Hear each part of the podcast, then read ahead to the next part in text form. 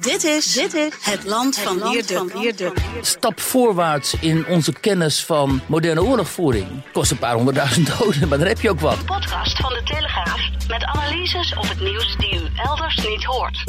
Als Oekraïne valt, valt Polen, vallen de Baltische landen. En uiteindelijk, wat ik meen zelfs Mark Rutte zei, valt West-Europa en wordt West-Europa een lanceerplatform voor Russische raketten richting Amerika.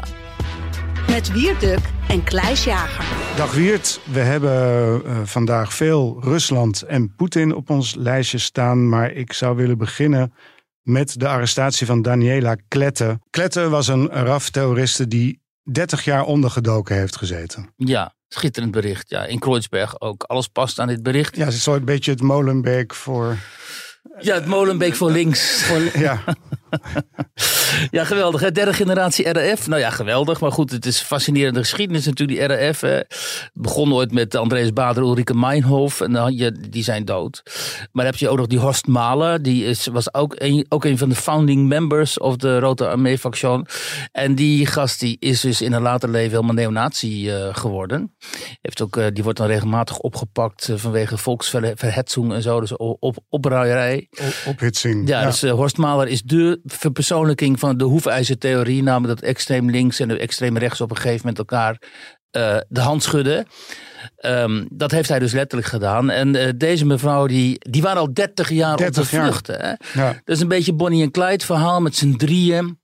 De grensstreek van Nederland onveilig maken. Althans, als ze geld nodig hadden, dan plegen ze een bankoverval en dan trokken zich dus weer helemaal terug in de anonimiteit. En Duitse autoriteiten die vermoeden dat ze in Nederland zaten. Maar deze dame bleek dus gewoon in Kreuzberg te leven, waar ik ook gewoond heb. En ja. uh, niet eens zo ver vandaan waar ik uh, dan... Uh, Wat is dat voor buurt? Nou ja, dat is natuurlijk zo'n afgrijzelijke krakersbuurt. En die, die, die hippe Nederlanders zijn allemaal fantastisch vinden. Maar als je er rondloopt, dan is een al verpaupering en, en links gedoe. en, ja. hoe, hoe uitzicht dat, links gedoe? ja, allemaal graffiti op de muur. En ja. mijn dochter zat er op de middelbare school. En er was een al allochtoon. Nou ja, dat is op zichzelf helemaal niet erg. Maar die, die werden niet zo goed in de hand gehouden. En hè, Duitse jongens die zich dan tot de islam bekeren daar op school. Omdat ze zoveel druk in hun nabije omgeving er, ervaarden en zo. Dus dat is een. Uh, Ideale omgeving voor een gepensioneerde. Extreem linkse, extreem linkse gepensioneerde terrorist. Het is een beetje gemeen wat ik zeg over Kreuzberg, want het heeft ook heel veel. Als je niet kijkt naar de politiek, heeft het cultureel ook heel veel vrijhavens. Dus er zitten best wel veel creativiteit, creatieve mensen, broedplaatsen. Je kent wel, laboratoria, zoals dat dan heet en zo. He, van die, van die uh, rare bioscoopjes waar je dan nog voor een paar euro echt totaal obscure films kunt zien en zo. Huiskamerbioscoop zit er ook ergens in de buurt. En um, nou, ik had er ooit notabene met de Duitse partner samen nog een café daar in de, in de Bergmanstrasse ook. Dus op zichzelf is het best wel leuk, maar niet innovatief. Het is eigenlijk heel erg, heel erg conservatief links.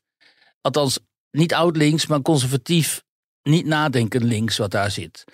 En, uh, en deze dame zat er dus ook. En um, het hilarische is dat zij dus ook is. Um, Bellingcat notabene heeft daar opgespoord. Want de Duitse autoriteiten, ja, die zijn digibet, die kwamen natuurlijk weer niet achter waar zij zat. En hebben ze bij Bellingcat hebben ze gewoon via een app, Duitsers kennen dat dan niet, en via een app hebben ze haar verouderd. Hebben ze dus een beeld gekregen, hoe zal ze er nu uitzien? Nou, toen zijn ze op Facebook en zo gaan, gaan searchen, gaan zoeken en zo. En toen dook die mevrouw op op zo'n hip, hip feest daar in, in Kreuzberg. Dat is het uh, cult, cult, culturenfeest. Uh, elk jaar dan is het een soort carnaval daar. Ja, dan stond zij natuurlijk ook te dansen. Hè, want ja, ze verkleed als... Ja, iets met Polynesisch of zo waarschijnlijk. Je kent het ja. wel. En toen dacht ze, hé, hey, dat, die lijkt wel verdomd veel op die, uh, op die Daniele. En toen is ze opgespoord en ze leefde onder een soort Italiaans pseudoniem of zo. Italiaans paspoort ook, althans van Italiaanse komaf. Mm. En natuurlijk hadden de buren geen idee wie die mevrouw precies was en zo. Ja, toen is ze opgepakt en uh, ik las bij Bild dat ze had gezegd, of ik weet niet waar ik het las, had ze had gezegd, nou, eens moest het er ook van komen. Dus heeft, ja. uh, ze berust in haar lot, maar die twee andere kerels, dat zijn kerels, die zijn dus nog on the road. Ja. Hè, en we weten niet, misschien gaat zij verraden waar die zit. Maar we weten dus niet waar, waar ze zit. Over die RAF, die dus een spoor, want we doen nu een beetje lacherig over. Maar dus een zwaar crimineel terroristische organisatie. 30 moorden, hè? En, Ja, iets van 33 moorden, Ja. ook op vooraanstaande industriële en politici. ja, eh, zeker. Ja, ja. Spoor van verderf hebben die door Duitsland getrokken. Omdat zij dus ehm vanuit het naoorlogse linkse denken, zo van eh, Duitsland is niet gedenazificeerd. Na de oorlog zijn heel veel naties op hoge posities gekomen. En eh ehm nie wieder, hè? dat Ja. kan niet nog een keer. Dus wij Ja. moeten die mensen gaan... Wij moeten gaan zorgen voor de echte revolutie. Nou ja, gesteund vanuit de DDR natuurlijk. Want Ja. daar was hun ideologische gedachtegoed. Daar, daar trokken zij zich ook af en toe terug. Hadden ook goede contacten met PLO. Met, dus met die Palestijnse terreurorganisatie van Yasser Arafat. Ja. Ehm, met een van die ex-ministers van Arafat overigens is eh, Sigrid Kaag getrouwd. Hè, dat we ook even weten in, in welk omveld dan zich het allemaal afspeelt. Hè, maar als... ehm, nou ja, daar ga ik niks over zeggen verder. Ehm, maar goed, misschien is dit dus... ehm, ja, dit is weer zo'n soort, soort, soort, ehm, soort nawee van die tijd. En die Ja. wordt genoemd de Deutsche Herbst. Ja, ik, maar ik las dat er sprake was in Duitsland van opluchting na arrestatie. Is dat niet wat overdreven? Ja, dat lijkt me wat overdreven. Ja. Want het is niet zo dat deze mensen nu nog moordende plunderen door Duitsland trokken immers. Eh, de laatste keer dat er echt sprake was van een, een reeks moorden... was dat vooral op Duitsers van Turkse afkomst... en werden die gepleegd door de NSU. Dat was een, eh, een nationaal-socialistische cel. Hmm. Dus eh, dat is Ja. wel opvallend in Duitsland. Je hebt altijd toch wel ergens weer van die terreurstellen... van extreem links of extreem rechts... Ja, die dan ook echt gaan moorden en zo. Iets wat wij in Nederland eigenlijk nou niet of nauwelijks kennen, geloof ik. Ehm, dus opluchting zal geen sprake van zijn. hoe is dat te verklaren? Nou ja, Duitsland is Een heel lang radicaal land. waarschijnlijk. Ja, Duitsland is natuurlijk een heel radicaal land. Ik bedoel, ze hebben nogal wat op hun geweten in de Tweede Wereldoorlog ook. Toen radicaliseerde toch ook een groot deel van die bevolking vrij snel. Eh, Ze zijn heel erg bevattelijk voor ideologie. Mhm. En ehm, ehm, ja, er zijn allerlei verklaringen voor te vinden. Je hebt zo'n interessante verklaring over de Duitse of de, de xenofobie, zeg maar, in Centraal-Europa. In tegenstelling tot de veel opener samenleving hier aan de rand van Europa, aan de rand van de zee. De zeevarende naties zoals Nederland zijn gewend, ook koloniale naties zijn gewend om met anderen om te gaan. eh, Met de ander, zoals het dan tegenwoordig heet, met de hoofdletter A. Ja, En, als je, eh, eh, en de Fransen overigens ook. Maar als je zo gesloten land bent zonder echte toegang tot de zee en zo. Duitsland heeft je alleen in het noorden, maar landen als Oostenrijk en zo hebben die helemaal niet. Dan word je al heel snel naar binnen gekeerd en dan eh, ontstaat een soort angst voor die, voor die vreemdelingen die ook over de bergen kunnen komen. In Bayern was het vooral virulent, hè, dat nationaal socialisme. De ander kan over de Ja. bergen komen en je land. Goed, dat zijn allemaal een beetje, een beetje speculatieve ehm, verklaringen. Maar goed, er is natuurlijk heel, veel over geschreven over waarom dat nationaal socialisme nou precies in Duitsland postvatte. En dat had natuurlijk ook heel erg te maken met de frustratie over de uitkomst van de E- Eerste Wereldoorlog. En Versailles, het dwang, dwangverdrag van Versailles, waarin Zeker. Duitsland werd afgeperst. En er ontstond Ja. heel veel rancune. En als, eh, ook als soort hoogtepunt, nou ja, daar gaan we het niet over hebben, want het is geen historisch discours. Nee. Maar die RAF is in ieder geval een fascinerend, fascinerend deel van de post, ehm, ehm, van de naoorlogse Duitse, Duitse geschiedenis. En Stefan Aust, de historicus, heeft daar een eh, standaardwerk over geschreven. Eh, hè? Hoe heet het ook alweer? Ik heb je de titel nog eh, geappt gisteravond, geloof ik. Ik, ik weet het niet. Oh, echt Ik- niet? nee. Nou, dan gaan we het even opzoeken, want dat, dat, weten, dat moeten mensen natuurlijk wel even weten. En wat mij altijd het meeste heeft ehm, ook wel geraakt. Kijk, als je die geschiedenis leest en kent en dan de, de, de terreur ook en het leed dat die mensen hebben veroorzaakt en ook de enorme stress die dat destijds in die samenleving eh, opleverde. Ik herinner me nog als je in die tijd naar Duitsland ging, dat je zwaar gecontroleerd bij de grens. En er hingen overal van die wanted posters, weet Mhm, je wel. Van ja. dat- hè, die, die, die mensen die ze, die ze dan zochten. En de benaming, om dat dan te noemen, zeg maar. De Deutsche Herbst. Dat, dat is wel een hele toepasselijke titel. Het heet trouwens, het boek van Stefan Ausit, uit de grote Duitse historicus, heet trouwens ehm, De Bader, de Bader-Meinhof-complex. Ah ja. Dat is ook een Ja. hele passende titel. Genoeg over eh, deze ja, we, we- we kunnen naar, terroristen. naar een ander in zichzelf gekeerd land dat ons zorgen baart. Eh, Oekraïne. eh, Rusland. Oh, Rusland, ja. Ja, Eh, ja. wat, wat is Poetin van plan met eh Transnistrië? Eh, hij zit daar een opstand te orchestreren, begrijp ik. Ja, er zijn twee dingen. Ten eerste is dus net die uh, jaarlijkse speech van Poetin geweest. Die loopt, of, ofwel hij loopt nog terwijl we dit opnemen, of hij is net afgelopen. En uh, daarin dan, uh, dan etaleert hij dan voor het volk en vooral voor de verzamelde parlementariërs en andere hoogwaardigheidsbekleders, waaronder ook religieuze leiders, zijn plannen voor het komende jaar. En hij blikt terug op de successen en de de minder grote successen van de afgelopen jaar. The so-called West, with its uh, colonialist uh, tendencies, is striving not only to contain our development, but they are intent on destroying us and using our space for whatever their purposes are including Ukraine. They are absolutely determined, determined to uh, introduce division amongst us and weaken us. And we have to ensure the determination of our people in the face of these threats. En uh, als je daar naar zit te kijken, want ik heb er zoveel mogelijk naar zitten kijken voordat ik hier naartoe kwam en naar zitten luisteren. Wat dan enorm opvalt is toch die, dat besef dat dit uh, over een hele andere wereld gaat. Dat drukt zich bijvoorbeeld uit in het feit op een gegeven moment zegt Poetin, oké we gaan meer geld beschikbaar stellen voor de regio's.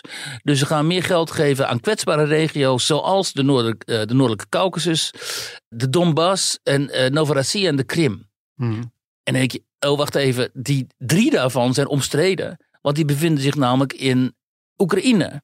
Maar in zijn retoriek en in de hoofden van die mensen die er zitten al helemaal niet meer. Die zijn inmiddels immers al gewoon deel weer van de Russische federatie. En zo kijken zij daarnaar. Terwijl wij praten nog altijd over, ja, Oekraïne moet die oorlog winnen, hè, zegt Mark Rutte letterlijk. Ze moeten al die gebieden terugwinnen, ook de Krim. Wij moeten lange afstandsraketten beschikbaar stellen die Rusland kunnen raken. Maar ze, ze moeten ook de Krim kunnen raken en zo. Terwijl uh, Poetin die praat op een hele andere manier daarover. Wat hij ook zegt op een gegeven moment is van... We hebben enorme gevechtservaring opgedaan op het slagveld. Kolossaal, nee, gewoon stap voorwaarts in onze kennis van moderne oorlogvoering. Eh, dat kost een paar honderdduizend doden, maar dan heb je ook wat kennelijk. Kijk, hm. zo kijkt een leider in het Kremlin naar dit soort uh, situaties. Die, omdat ze ook Poetin in elk geval veel meer op een historische, historiserende manier kijken. Denkt hij niet zoals wij, wat afgrijzelijk, al die doden daar en zo. Hij denkt, ja, dat is onderdeel van de geschiedenis.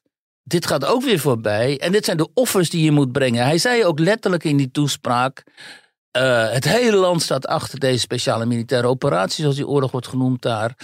Uh, dank aan alle vrijwilligers, dank aan al die organisaties die ons helpen. En dan zie je al die mensen in de, in de zaal klappen. Die zitten daar ook mhm. bewust, ook van die hele knappe jonge vrouwen met in een uniform en zo, van allerlei verschillende uh, onderdelen. onderdelen. Die dan ook hard mhm. klappen en zo. En ja, zo wordt dat daar gebracht. En een paar honderdduizend doden. Ja, ze hebben er in, het, in de Tweede Wereldoorlog iets van 20 miljoen of zo verloren, de Sovjet-Unie. Dus voor hun is dat druppel op een gloeiende plaat. Zeg ik met enige restrictie, want dat geldt natuurlijk voor de jongeren niet. Een groot deel van de jongeren denkt niet zo.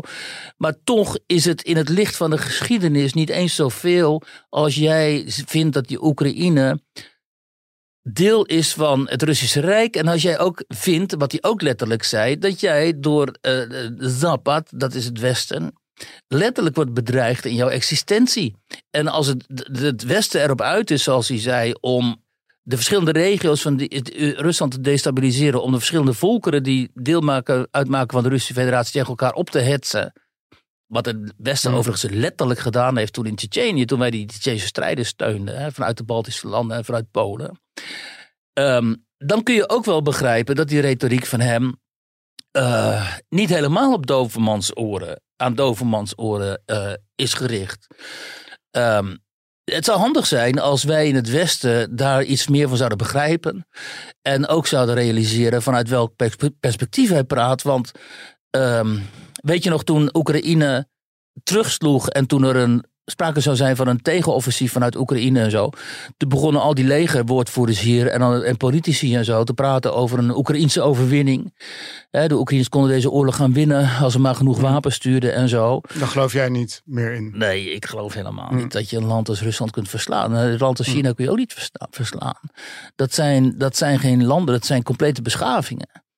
En ehm, hoe ga je die verslaan dan? Alleen eventueel als je dus een, een, een, uh, atoombom erop gooit. Uh, maar wat heb je dan? Dan, ja. dan, dan, dan, hè? Ik bedoel. Ja, je hebt het al vaker gezegd. Je gelooft totaal niet dat je je uiterst het best moet doen om Oekraïne te helpen in deze strijd. Nee, dat heb ik, ik heb juist letterlijk gezegd, omdat we nu eenmaal ook ons lot aan Oekraïne hebben verbonden destijds, hoewel ik daarop tegen was, maar hè, hen dat uh, associatieverdrag aanbieden en het NAVO-lidmaatschap en zo ik vond dat strategisch uh, ontzettend domme moves aan het Westen. Omdat je wist dat uh, Oekraïne, dat, dat Poetin dat ging, niet ging accepteren. Had hij heel vaak hmm. aangekondigd. En dan kun je wel zeggen, ja, soeverein land maakt zijn eigen keuzes.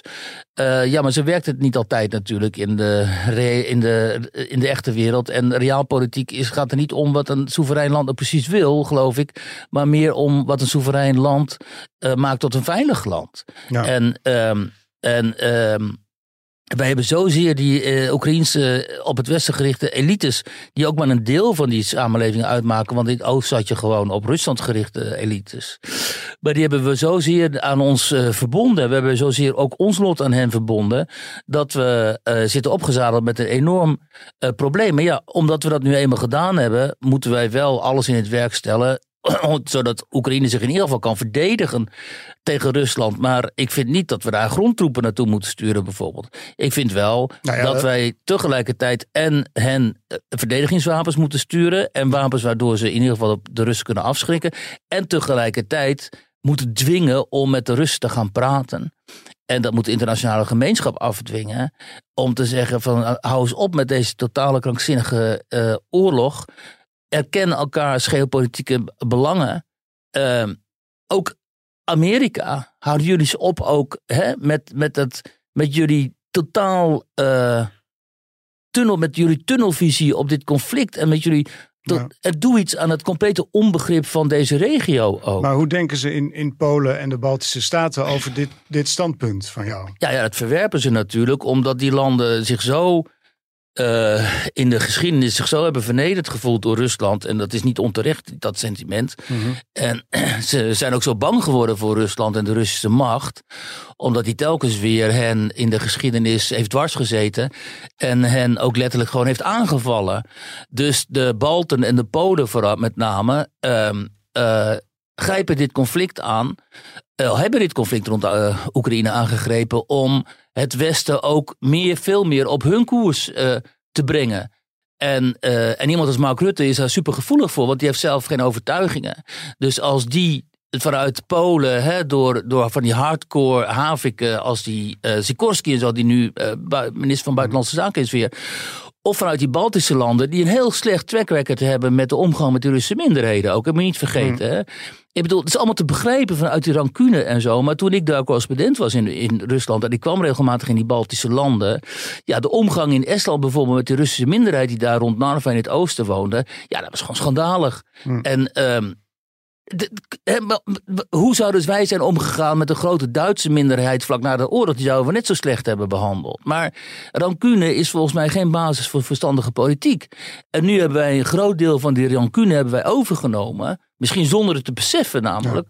Ehm, en daar hebben wij politiek, Ruslandpolitiek van gemaakt. En zelfs de Duitsers, omdat die uiteindelijk toch een hele zwakke leider hebben in Olaf Scholz Angela Merkel die bood er nog wel wat weerstand aan. En Steinmeier vooral, de president, heeft eindeloos geprobeerd met pendeldiplomatie toch nog iets teweeg te brengen. Maar ja, ook de, uh, uiteindelijk zijn de Duitsers ook overstag gegaan. En zitten we nu gewoon in een Baltisch-Pools-Amerikaans frame.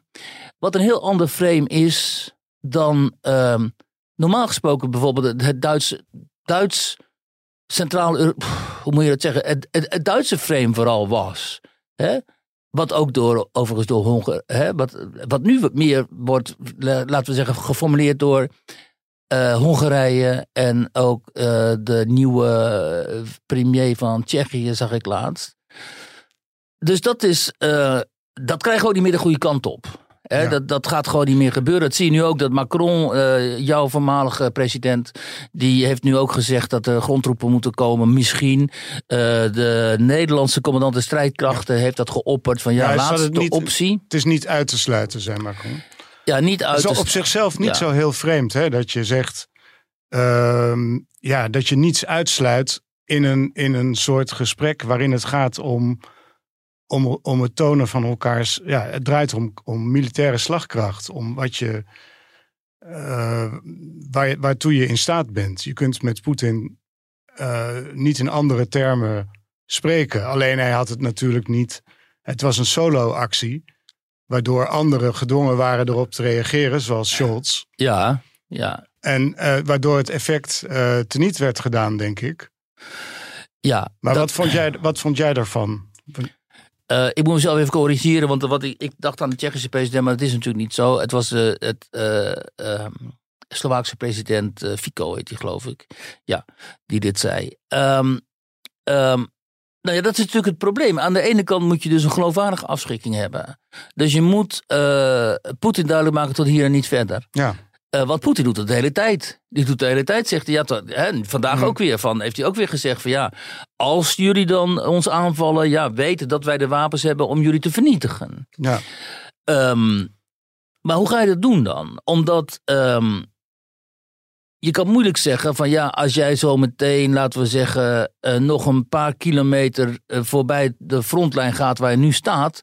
Ja, dat is dan het moment om die bom in te zetten. Of dat is dan het moment waarop wij grondtroepen zullen sturen. Of waarop wij eh, Zelensky de mogelijkheid bieden om raketten op Belgorod af te vuren bijvoorbeeld. Dus dat, dat is dat moet je overleggen met elkaar natuurlijk. En dan moet je ook eh, militair eh, voor deskundig zijn om te weten eh, wat dan dat moment zou kunnen zijn. We zeggen nu de hele tijd, ja, als hij één stap hè, in die Baltische landen zet of elders. ehm, dat is dan een artikel 5 situatie. Hè? Dan een NAVO-land wordt aangevallen, dan moeten we ingrijpen. Maar ja, Poetin is slim. Ehm, die weet ook wel dat Oekraïne nog geen NAVO-land is.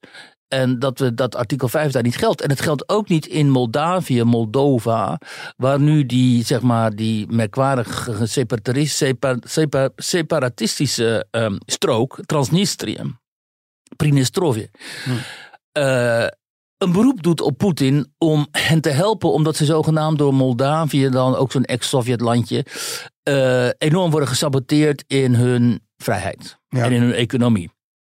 Nou ja, dit is typisch eh, vanuit de Sovjetkoker, omdat ehm, eh, Rusland heeft overal van die frozen conflicts, hè, die ze kunnen laten oplaaien op het moment dat hen dat goed uitkomt. Hè, bij Abhazie, daar met Georgië bijvoorbeeld, eh, in, in de Caucasus ook, ehm, eh, en elders. Ehm, dat was dan ook daar, weet je nog, toen, toen Rusland Georgië binnenviel, dat was met Ossetië had dat te maken. Overal de Krim en de Donbass waren natuurlijk ook een soort van frozen conflicts. Althans, vooral die Donbass. En dat is het Transnistrië ook. En ehm, dus daar moeten we naar kijken, wat gaat daar nu gebeuren? Wat gaat Poetin daar nu eh, mee doen? Daar zit een Russische legereenheid. Vroeger zat die Alexander Lebed daar. Die, die, die iconische generaal die Oh, ja. nog eh, presidentskandidaat was ooit. En die in een mysterieuze helikoptercrash om het leven Hmm. is gekomen in Siberië. Hele interessante figuur was dat. En eh, met een hele knappe vrouw ook. Die, eh, die ik ooit heb mogen spreken, allebei. Ehm, maar goed, dat, dat is weer een heel ander verhaal. Maar ehm, nou ja, ook alweer symbolisch, omdat Lebed eigenlijk dreigde op te trekken vanuit Transnistrië. Want het was zo'n chaos in Moskou destijds. En hij dacht, ik moet hier dat iets aan doen. Ik ben... Hij werd ook helemaal gefeteerd door het Westen, vooral door Frankrijk. Die dachten, oh, dit is de Russische de Gaulle. Ja, ja. Ging hij ook naar Frankrijk en zo. Ging, op- had hij opeens een andere, andere Dit was, kapsel. dit was jaren eh, 90. Ja, ja, ja. Want dat zo'n heel Sovjet-kapsel. Toen ging hij naar Parijs, had hij opeens een pak aan, een heel ander kapsel en zo. En Dat ging zich een beetje. En, eh, en die dreigde dus vanuit dit, dit, dit merkwaardige gebied daar. ehm, met, zijn, met zijn troepen dan op te trekken. Ehm, als, er als de orde niet zou worden hersteld. Nou, en het bestaat nog altijd. Ik bedoel, dat is bizarre natuurlijk. Dit bestaat dus 30 jaar later. Gewoon nog steeds. En nog steeds heeft het Kremlin de mogelijkheid om daar te gaan stoken. Zodat ook dat gebied omstreden wordt en lastig wordt. En misschien moeten er wel Russische troepen naartoe, weet je wel, om eh, de bevolking daar te redden van de afgrijzelijke Moldovaanse of Moldavische macht, die natuurlijk weer helemaal wordt uh, beheerst door uh, Kiev en door Washington. Zo gaan ze het brengen dan. En dan, ja, dan hebben zij dus het recht om de Russische taligen daar, de Russisch sprekende, want dat een derde of zo daarvan is Russisch, meen ik. Te beschermen. Te beschermen, net zoals ze dat in de Donbass uh, hadden en zeker ook op de Krim. En dan hebben ze een alibi om vanuit dat gebied te gaan opereren. Nou ja, we gaan het zien, maar het is wel klassiek. En um, en interessant ook om, uh, om te volgen. En ondertussen zijn heel veel mensen hier in West-Europa natuurlijk bang dat, um, dat, uh, dat er oorlog komt. Hè? Ik zie heel veel mensen toch wel uh, enorm bezorgd zijn. Ja. Dus. Um, nou ja, daar, daar heb je mee gesproken voor de krant.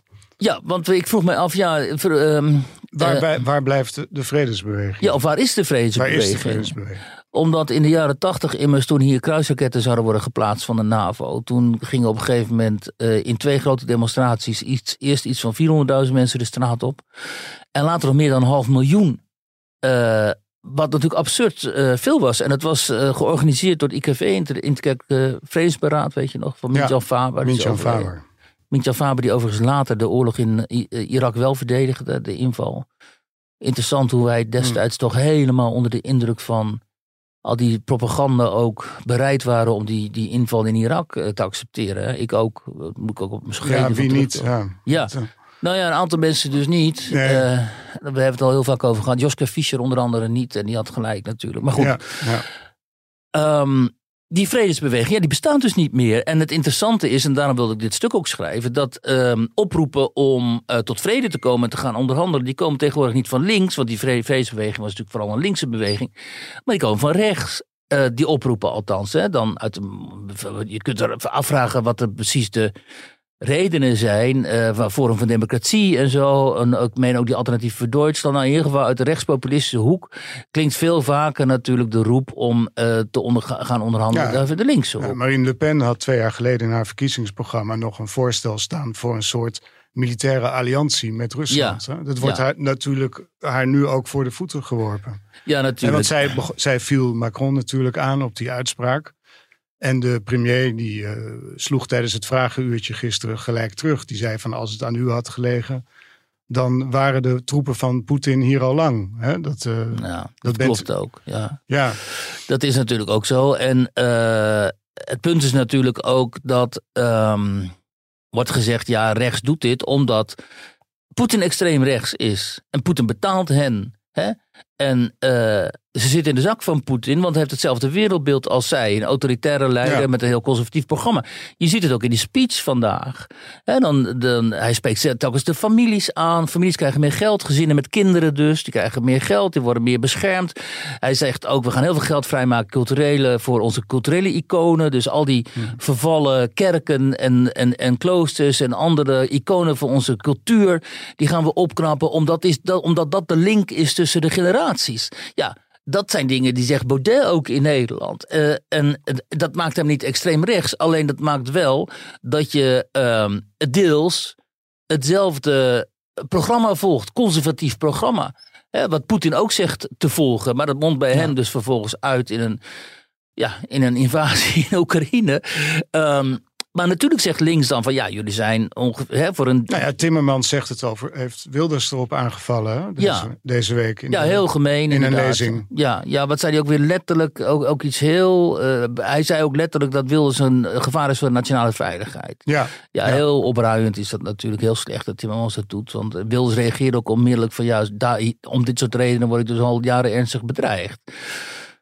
Dus uh, dat was natuurlijk ook weer heel fout uh, van Timmermans. Maar je kunt inderdaad. Um, uh, stel nou dat het inderdaad zo is dat links dus Oekraïne steunt omdat links denkt dat Oekraïne een soort globalistisch links LGBTQI tot en met Z-achtig project verdedigt. Daar hebben de Oekraïners dus ook op een enorm slimme... Kijk, die Oekraïners zijn Russen. Ik bedoel, er zit geen verschil tussen in denken en slimheid en sluwheid en zo.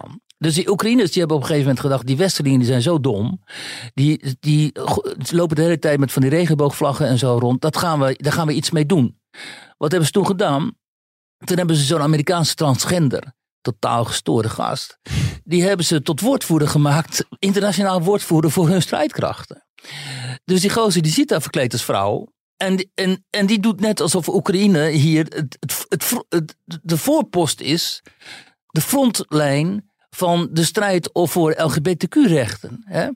Terwijl de gemiddelde Oekraïnse soldaat is net zo conservatief daarover, over homoseksualiteit en transgenderrechten en zo, als zijn counterpart aan de andere kant, de Russische soldaat, die op elkaar staan te schieten.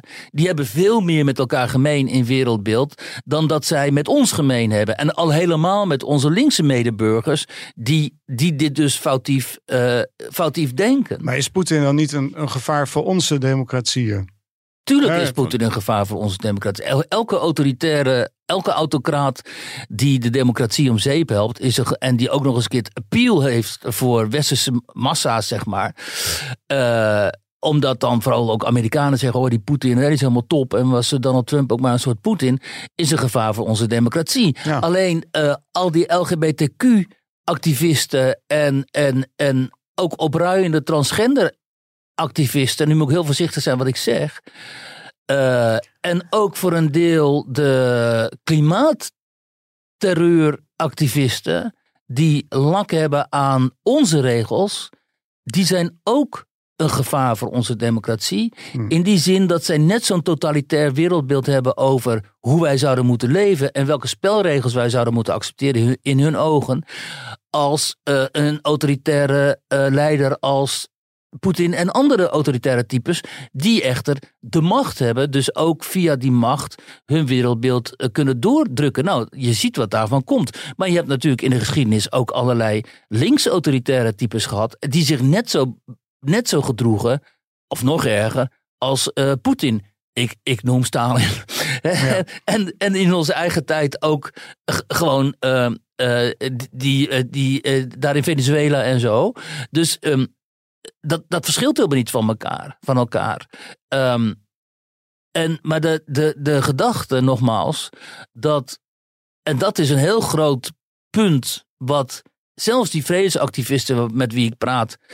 ook niet helemaal begrijpen. Omdat als je niet in Rusland hebt geleefd en in die omgeving veel hebt gereisd. en je kent de Russische taal en geschiedenis en cultuur niet. dan zul je nooit helemaal begrijpen hoe dat nu in elkaar steekt.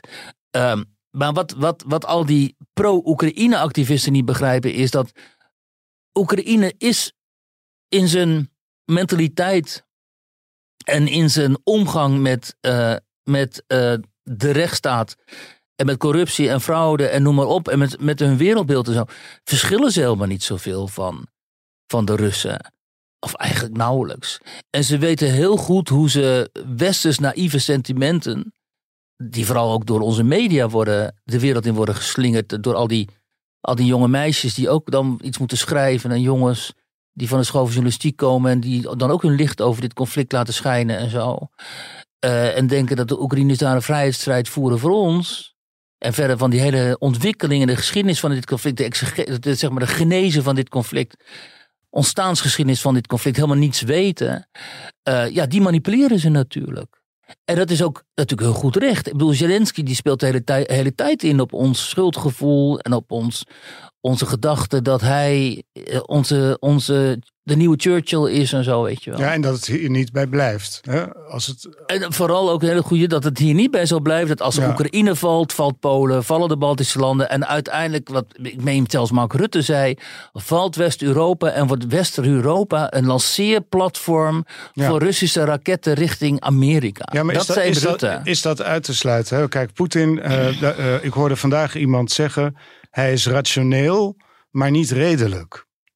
Ja, dat is wel goed. Wie zei dat? Ja, David uh, Lisnard. Dat is uh, oh, ja. een reizende ster in, de, in de Franse VVD, de Republikein. Ja. Hij is nu nog burgemeester van Cannes. Ja. Zoon van een uh, profvoetballer trouwens. Maar oh, echt, echt, een heel interessante figuur die nu ook werkt aan zijn geopolitieke profiel. Dus hij laat zich ook over dit soort zaken steeds meer uit.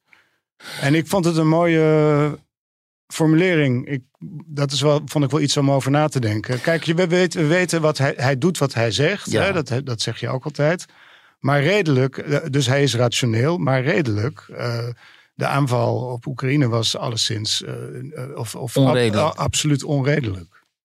Ja, klopt. Um, maar zijn repliek zal zijn van ja, dat zal wel. Maar het Westen is net zozeer onredelijk Omdat er zijn in de ogen van de Russen zijn er toe- toezeggingen gedaan rond de val van de muur en de eenwording van Duitsland.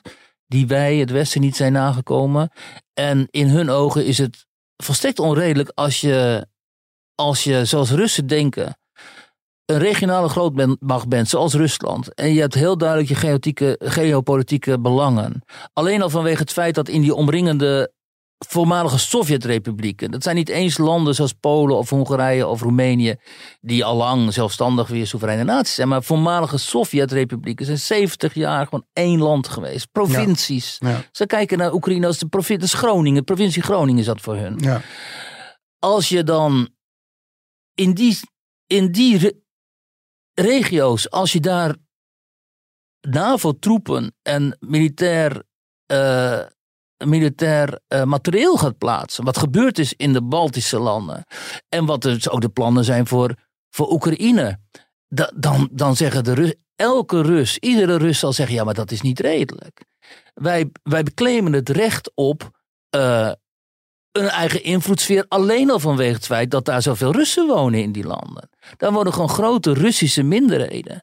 En wij, dat zijn onze mensen, net zoals Erdogan de Turken in Europa beschouwt als zijn mensen ook. Hè?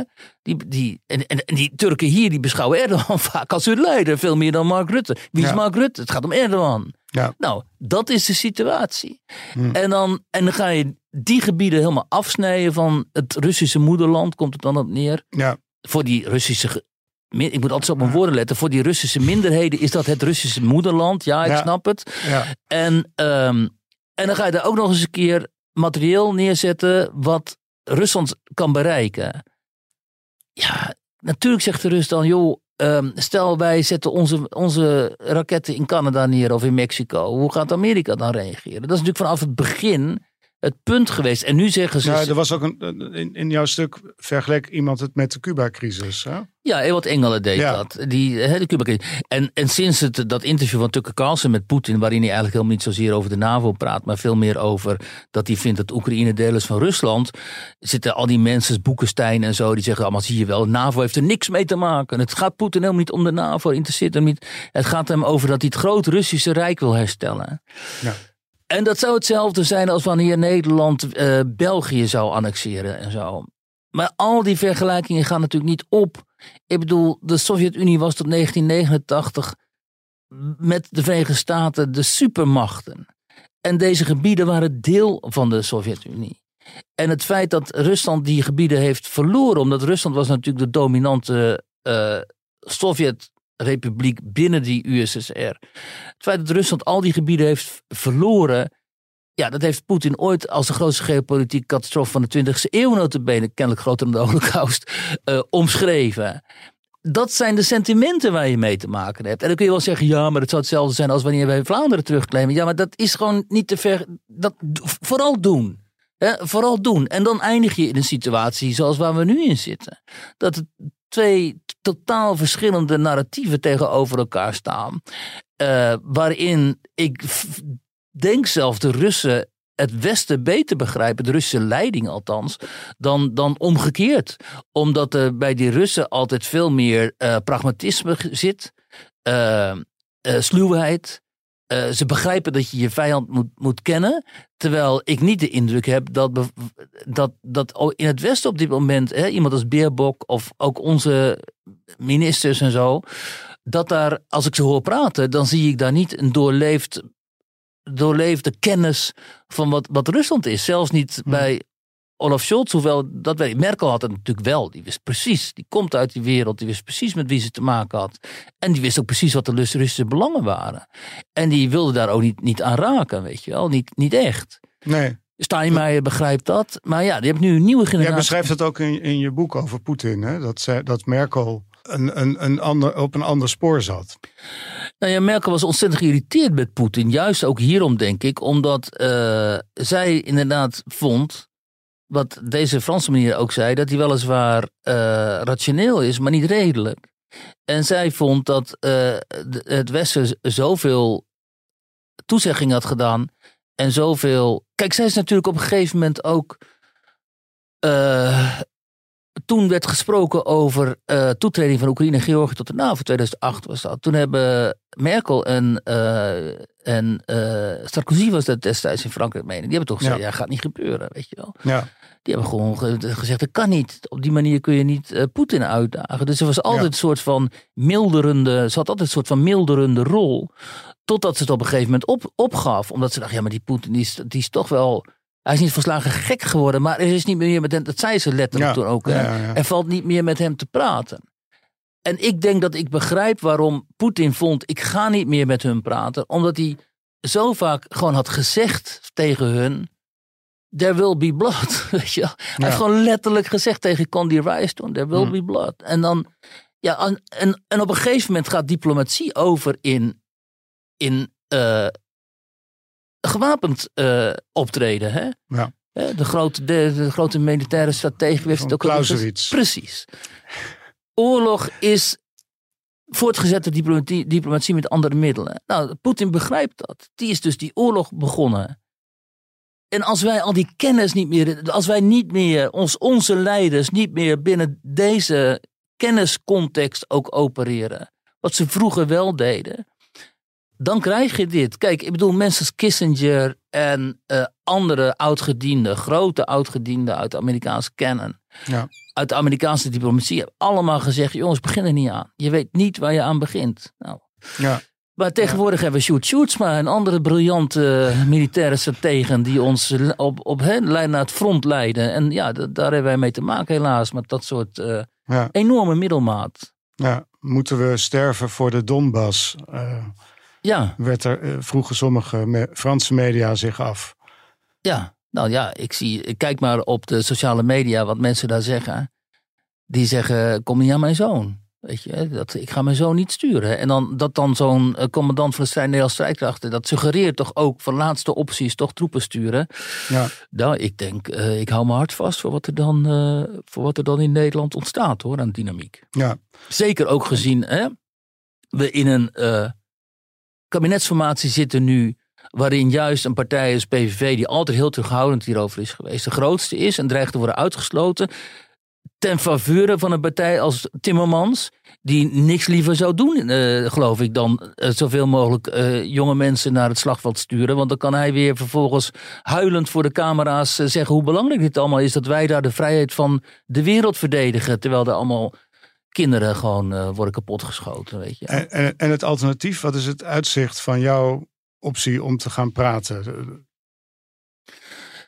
Nou, de Krim is, is sowieso Russisch. Dus ja. is sowieso verloren. Rusland gaat nooit de Krim terug, teruggeven. Nee. Um, over die andere gebieden moet je afspraken maken. Um, uh, hè, er moet een soort van autonome status, eh, de, de taal, Russische taal en zo moet worden beschermd, moet worden gegarandeerd.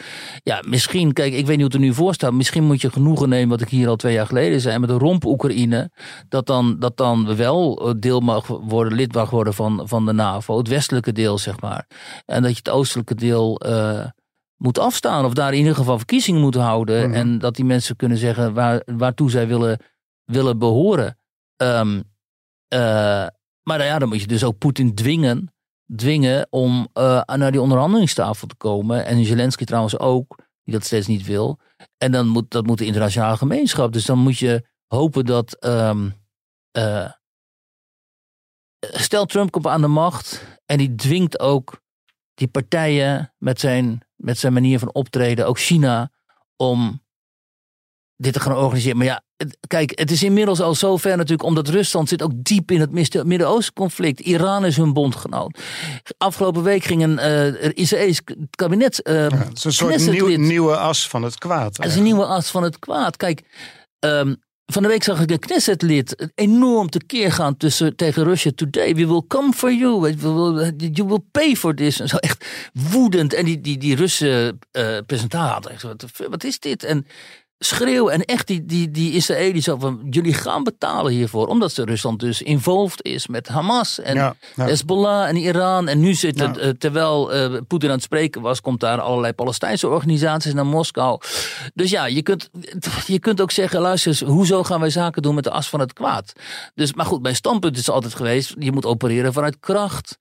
En dat is in feite ook wat Trump natuurlijk de hele tijd heeft gedaan. Dwingen, dwingen, dwingen. En, en, en ook zeggen, en dan wel zeggen van ja, maar als jullie, als jullie niet tot, tot een soort van redelijke uh, overeenkomst komen, die in, die in principe alle partijen ten goede komt, want daar houdt ook het, het, het, het, het, het, het sterven van een hele generatie Oekraïners zal dan stoppen.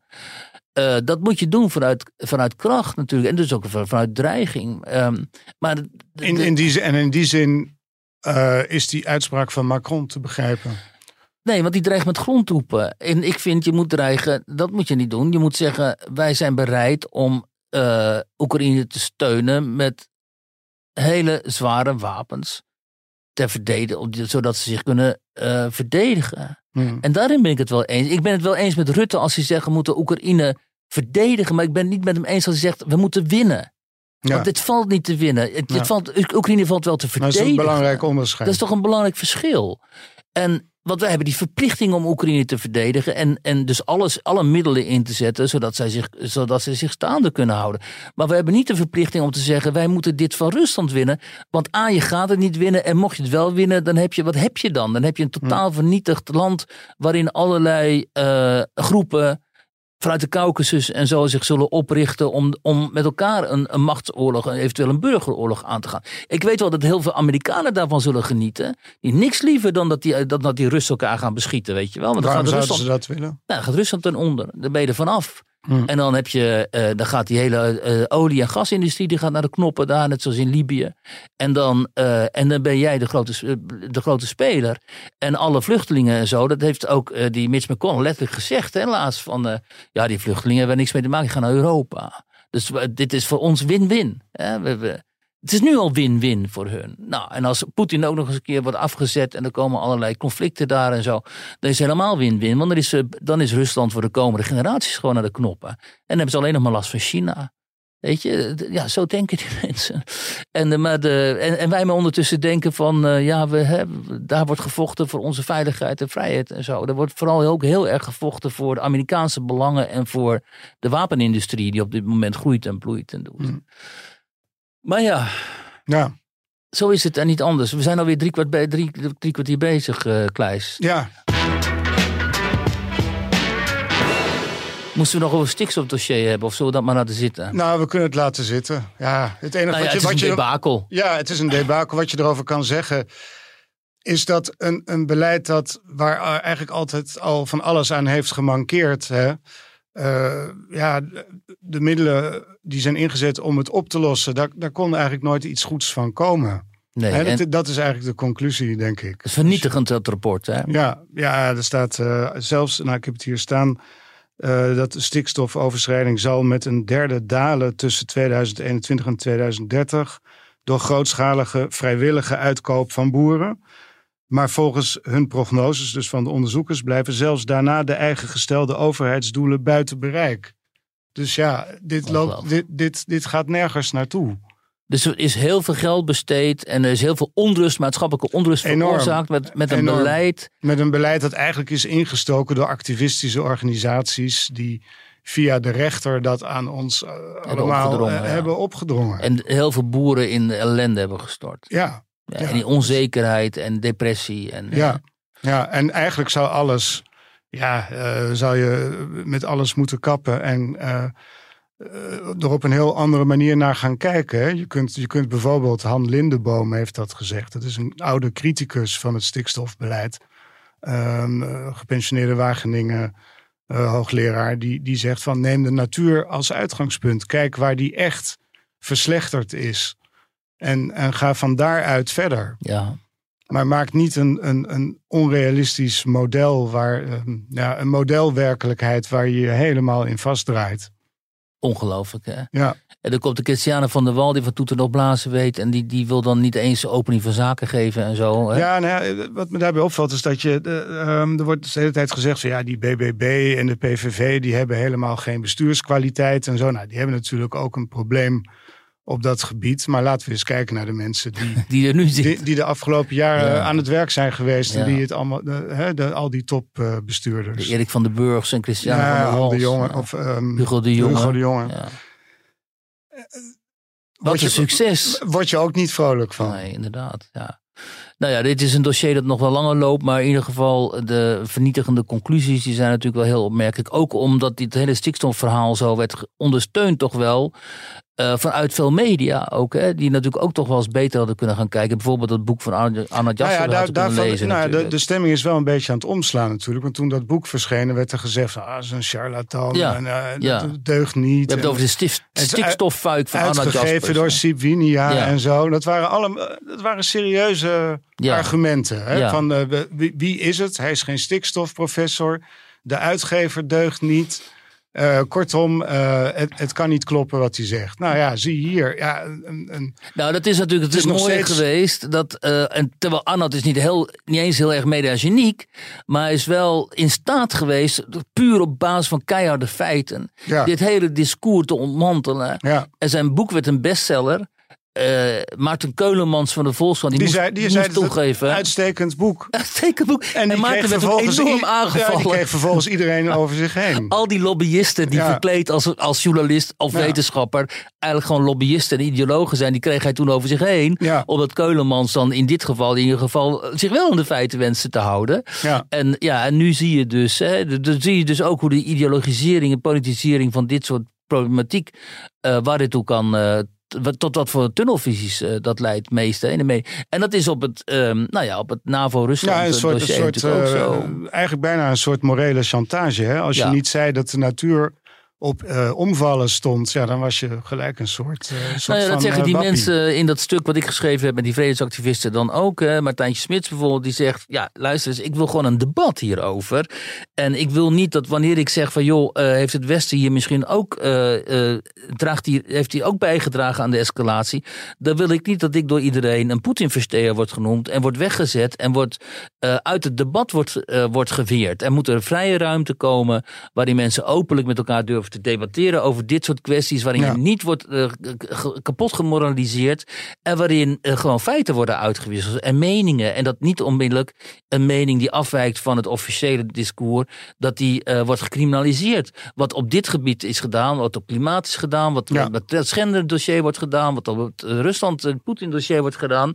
Ja. Ehm, eh, en die tijd zou je zeggen, hè, hebben de verkiezingen aangetoond, zou voorbij moeten zijn.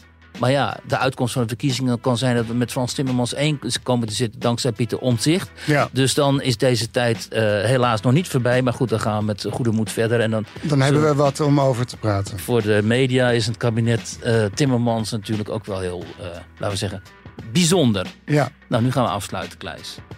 dankjewel, Weert. Ja, eigenlijk moet jij dat doen. Dames en heren, dank voor het luisteren. Dit waren Kleisjager en Wiertuk. En tot de volgende week.